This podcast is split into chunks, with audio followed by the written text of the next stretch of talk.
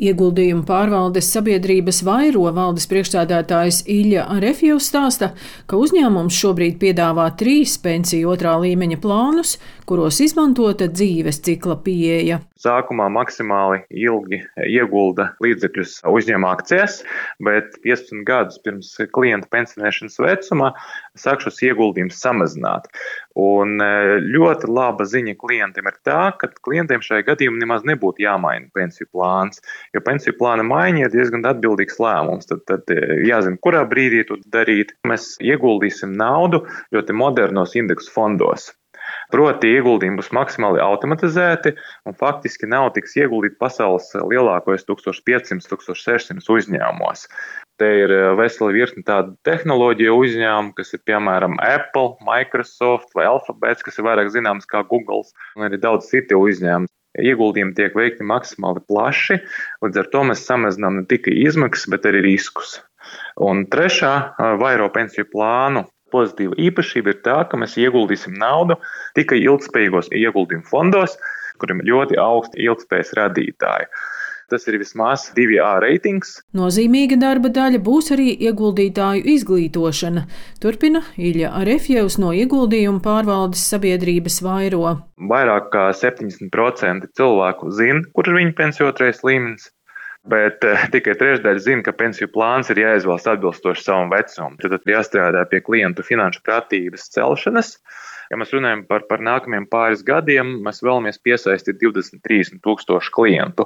Tas būs pietiekami daudz, lai mēs sāktu strādāt pie pārējiem citiem uh, investīciju produktiem. Mūsu mērķis ir kļūt par specializētu uzkrājumu pārvaldnieku. Latvijai šāds spēlētājs ir vajadzīgs. Ja mēs redzam, ka privātpersonu uzkrājumi pieaug, mēs jau runājam par vairākiem miljardiem eiro, kas nu, lielākoties stāv banku kontos un labākā gadījumā tagad pelna depozītu procents, kas tepat ir diezgan mazs. Un ar to mēs laika gaitā plānojam paplašināt produktu klāstu, piedāvāt gan pensiju trešo līmeni, gan tādus ļoti ērtus, individualizētus investīciju risinājumus un, un iespējams arī citus investīciju produktus. Pensiju plāni pēdējos gados finanšu tirgus svārstību dēļ nav priecējuši ar labiem rezultātiem un lielu ienesīgumu. Tāpēc Latvijas Universitātes biznesa vadības un ekonomikas fakultātes lektore Līga Leitāna vērtē, ka konkurences pieaugums pārvaldītāju vidū būs ieguvums noguldītājiem.